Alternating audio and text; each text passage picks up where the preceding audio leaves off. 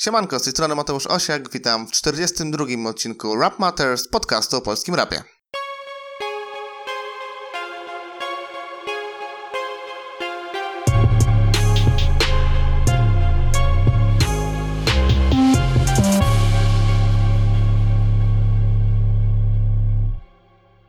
Dziś w programie singiel tygodnia, a także przegląd singli z podziemia. Paździerz tygodnia, e, premiera i tam płyta Segiego Wracam nadrobić zaległości, Fame Booster, w nim instrumentale Banana, płyta tygodnia, którą jest Mystery Dungeon Kozy i Road 66, gdzie mamy NASA i jego The Lost Tapes 2.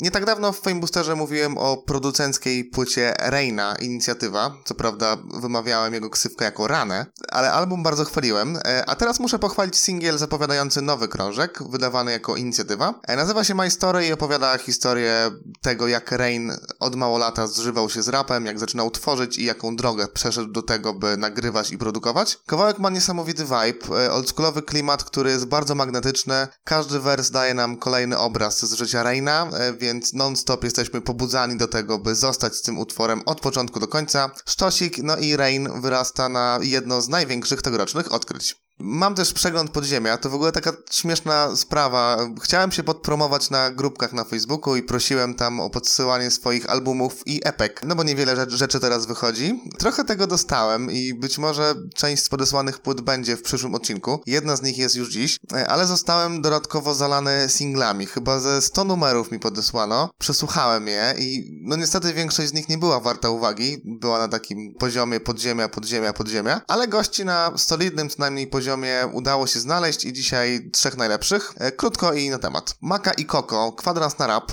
to pierwsza propozycja. Makę kojarzę od dawna, bo nagrywał płytę z 021, a bity robił mu Michał Tomasik. I to taki solidny podziemny raper. Koko natomiast jest dla mnie odkryciem, bo jak szukacie kogoś, kto rapował, bo jak Kenkę na nielegalu, to to jest dokładnie taki vibe. Bardzo polecam, e, fajne odkrycie. Druga rzecz to SWW i kawałek niegotowy. Trzech gości, Steciu, Van i Veritas. Wszyscy z niezłą nawijką, w takim agresywnym, punchlinerskim stylu. Fajnie się uzupełniają, fajnie się odnajdują w tej, w tej konwencji i jakbym miał szukać porównań, to taki oksonowy styl prezentują, czyli długie wersy, no właśnie energia i punchliny.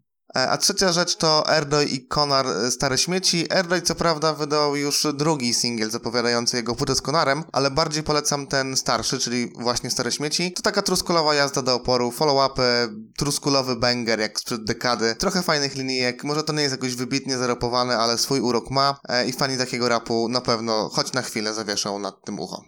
Paździerz tygodnia, Organek i Ostry to nie miało prawa się stać z filmu Piłsudski, w którym główną rolę gra Borys, Borys Szyc i zawsze jak widzę ten plakat do filmu to parskam, bo wygląda komicznie. Mówiąc o, o, tym kawałku wypadałoby zacząć jakimś zabawnym nawiązaniem do jego tytułu, ale wszystkie gry słów już zostały wykorzystane. Muszę natomiast wspomnieć o tym, jak karykaturalnie wygląda ten numer i jak Ostry jest tam wrzucony na siłę, ale generalnie bym to przeżył, gdyby tylko Adam się tam odnalazł i niestety o ile nawikowo dostaje dostajemy tu typowego ostrego, co szału nie robi, ale no za samą nawijkę na pewno nie trafiłby do, do paździerzy, ale trafia tutaj za ten tekst z generatora tekstów, bo zamiast napisać jakąś klimatyczną zwrotkę z odwołaniami, może trochę z nacechowanym językiem, cytatem, może jakimiś panczami z Piłsudskim w tle, co generalnie byłoby dość trudne do zrobienia, tak żeby też nie przegiąć w tę drugą stronę, ale moim zdaniem w coś takiego pasowałoby pójść, skoro podjęło się już napisania kawałka do ścieżki dźwiękowej z Piłsudskiego, e, no to zamiast tego Ostry wrzuca nam takie wersy jak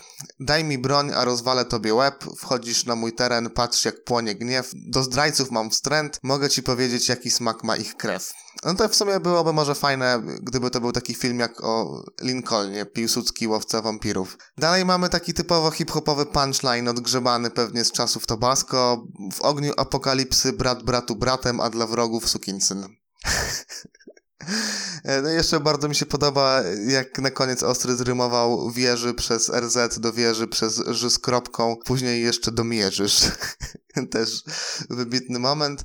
E, no i na taką drobną obronę zasługuje to, że jakieś tam niewielkie nawiązania są do wojny, bo mamy Czerwony Gang, mamy Złodzieja z wyboru, co może nawiązywać do Piłsudskiego, czy, czy ta nienawiść do zdrajców, no ale generalnie tekstowo wypada to przesłabo. Premiera. Segi wracam nadrobić zaległości. Nie wiem ile lat ma Segi, ale przypuszczam, że to gdzieś moje okolice, czyli dwadzieścia kilka. To taka płyta, którą mógłbym właśnie nagrać sam, gdybym tylko potrafił rapować. To znaczy z takim truskulowym vibem, ale bez niepotrzebnej wczutki, bez walk z wiatrakami, natomiast z przyziemnymi tematami, podjętymi w sposób bardzo przystępny e, i też taki, z którym łatwo się utożsamiać, czego przykładem jest na przykład numer All Inclusive o wypadzie z ziomkami i dziewczynami z ich rodzinnego trójmiasta na Kaszubę. E, jest tam wiele punktów stycznych z moimi wypadami, zaczynając od kawy na stacji na początku trasy, przez dźwięk otwieranych puszek tuż po przyjeździe, czy do samej konkluzji, czyli do tego, że nie zawsze potrzeba czterech gwiazdek, by wypocząć i wyluzować. E, momentów, które pewnie też wielu z Was może odnieść do siebie jest naprawdę dużo, za co wielki props, bo takich soundtracków do życia zawsze dobrze się słucha. Dobór bitów też mi się bardzo podoba, te niespieszne, truskulowe podkłady budują też taki nostalgiczny, może nawet trochę licealny klimat. E, cała płyta taka nie jest, bo są też szybsze momenty i są cykacze i na przykład Dzisiaj Nic jest takim numerem też fajnym, bo Sagi mówi tam o tym, że zakłada sobie, że tego konkretnego dnia nie będzie robił nic i nie będzie pił,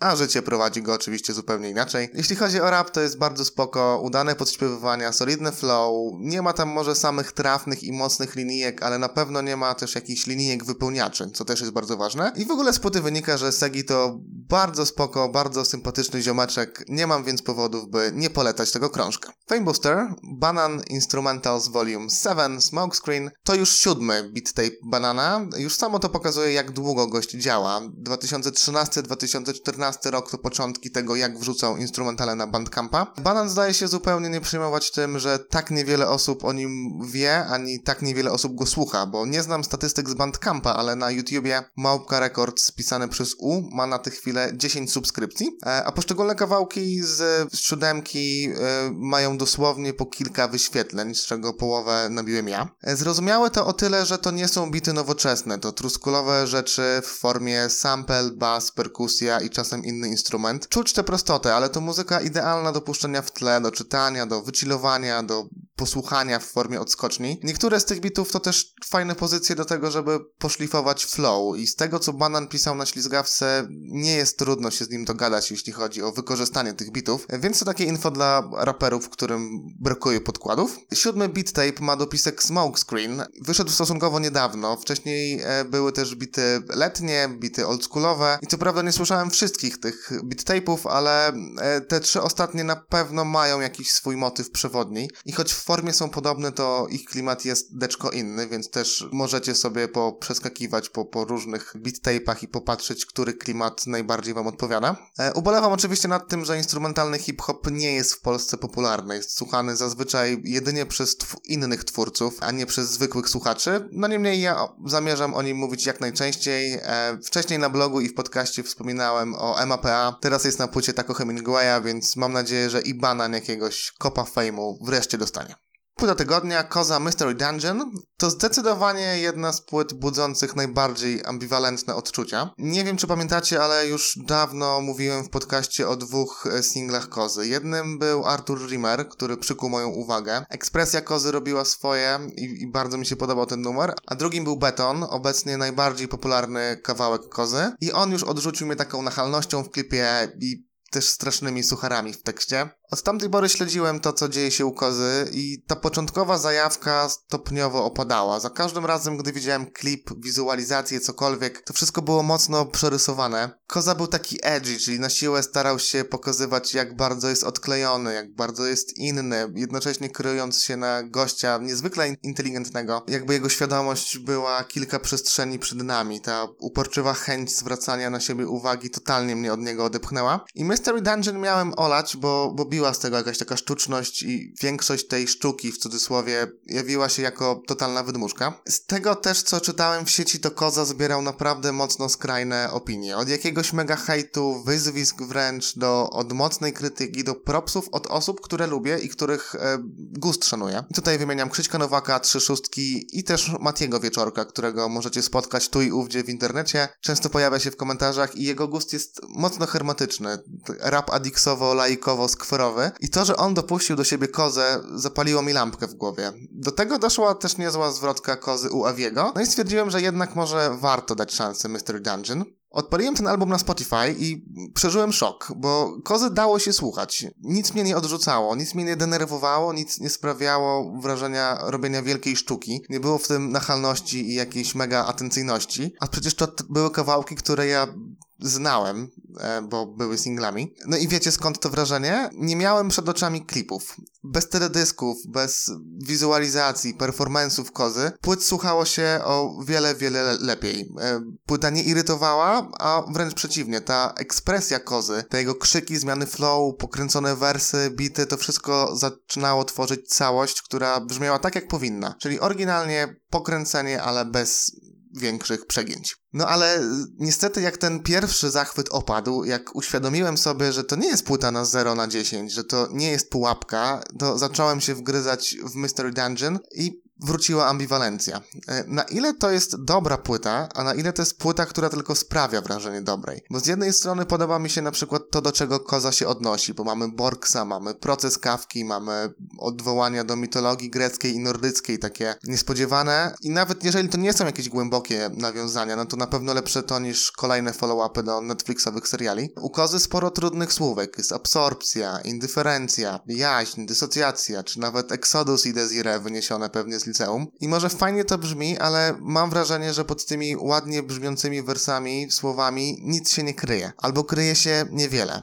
Koza też niebezpiecznie ociera się o grafomanię. Padają takie wersy jak pompy moich żył są zbyt jednostajne. Martwe płody marzeń przebieram za śmieszne lalki, czy w gniazdach węży trupy śpiewają proroczym głosem. No brzmi to zabawnie i no mam mocno mieszane uczucia, jeśli chodzi o warstwę liryczną tej płyty. E, natomiast tak jak mówię, Koza jest oryginalny, potrafi przyciągać i sama też zdolność do tego, że on wywołuje tak skrajne opinie, to może być jego wielki atut w przyszłości, bo nie wszyscy muszą go kochać, e, ale na pewno idąc dalej w tę stronę i kreując się dalej w taki sposób, e, nie zjedna sobie wszystkich, ale może o otoczyć się e, taką niewielką armią, która będzie za nim kroczyła wszędzie, tylko musi ciągle kontrolować tę swoją chęć na bycie największym freakiem świata, bo przez to bardzo często bywa pretensjonalny i trudny do zniesienia. Dlatego na razie Mystery Dungeon na piątkę.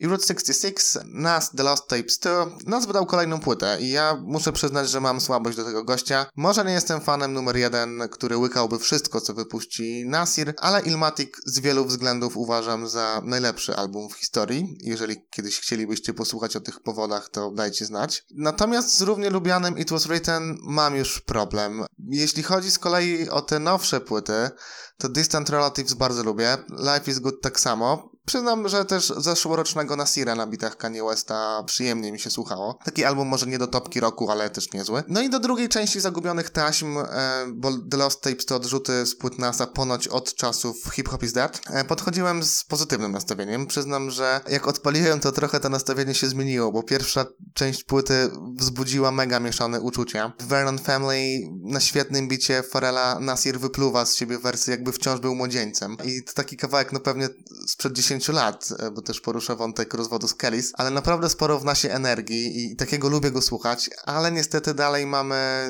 żary over up z bitem, który jest pomyłką. I no na tej pierwszej części płyty nas wraca do takiego bezjajecznego rapowania. Mam wrażenie, że nie wykorzystuje w pełni bitu do Tanaiji na przykład, refren też tam bardzo mnie irytuje, ale w drugiej części natomiast od The Art of It e, zaczyna się wchodzenie na wyższy poziom. Już w tym numerze słychać znowu werwę, wersy siadają jak trzeba, nas potrafi uderzyć w punkt. E, Queen's Wolf jest też super kawałkiem, takim trochę może wspominkowym, bo mówiącym o tym, że NASA fascynującego się horrorami, wilkołakami, Drakulą nie przyjęli do drużyny w kosza, ale opowiada też przede wszystkim o jego przemianie dosłownie w wilkołaka, bo mówi o, o tym, że ma czerwone oczy, warczy i wystają mu, mu kły. Chociaż no, bardziej chodzi tu oczywiście o, o bycie takim gangsterem, czy ogólnie jakimś typem spod ciemnej gwiazdy, którego strach się bać. Uwielbiam It Never Ends na bicie Alchemista, gdzie tych kilka klawiszy buduje klimat. Refren też jest taki uzależniający. I może jeszcze wspomnę o Queensbridge Politics, czyli kawałku podsumowującym to, jaką siłę rażenia miała autobiografia Prodigy'ego i, il, i ilu osobom się nie spodobała. Przez to nawet po jego śmierci nie została mu wybaczona.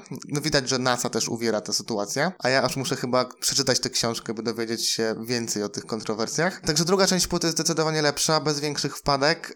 Całość The Lost Tapes jest ogólnie bardzo spoko. Kilka numerów nadaje się co prawda do skipu, ale no mimo tego, że te numery powstawały na przestrzeni wielu lat, to nie widać jakiejś znaczącej różnicy poziomów. Płyta nie traci też przez to na, na spójności. Także to jest kolejny krążek, z którego nas może być zadowolony. I to wszystko na dzisiaj. Jeszcze kilka ogłoszeń. Zbliża się dzień z Boriksonem. Jeśli chcecie wziąć udział i chcecie się podzielić anegdotką, czy opisać swój ulubiony numer Boriksona, to wysyłajcie nagrania lub teksty na blog Mateusza Osiaka małpa.gmail.com albo na PW. Zapowiadałem też podsumowanie kariery Racy i ono będzie, tylko mam małą obsówkę, ale może w przyszłym odcinku, może za dwa. Jak widzieliście na YouTubie założyłem Patronite'a, przez którego można wspierać podcast, więc zachęcam. Oczywiście link znajdziecie w podpisie razem z innymi linkami do playlist, do kanałów social media i jeśli się Wam podobał ten odcinek, to dajcie znać. Do usłyszenia.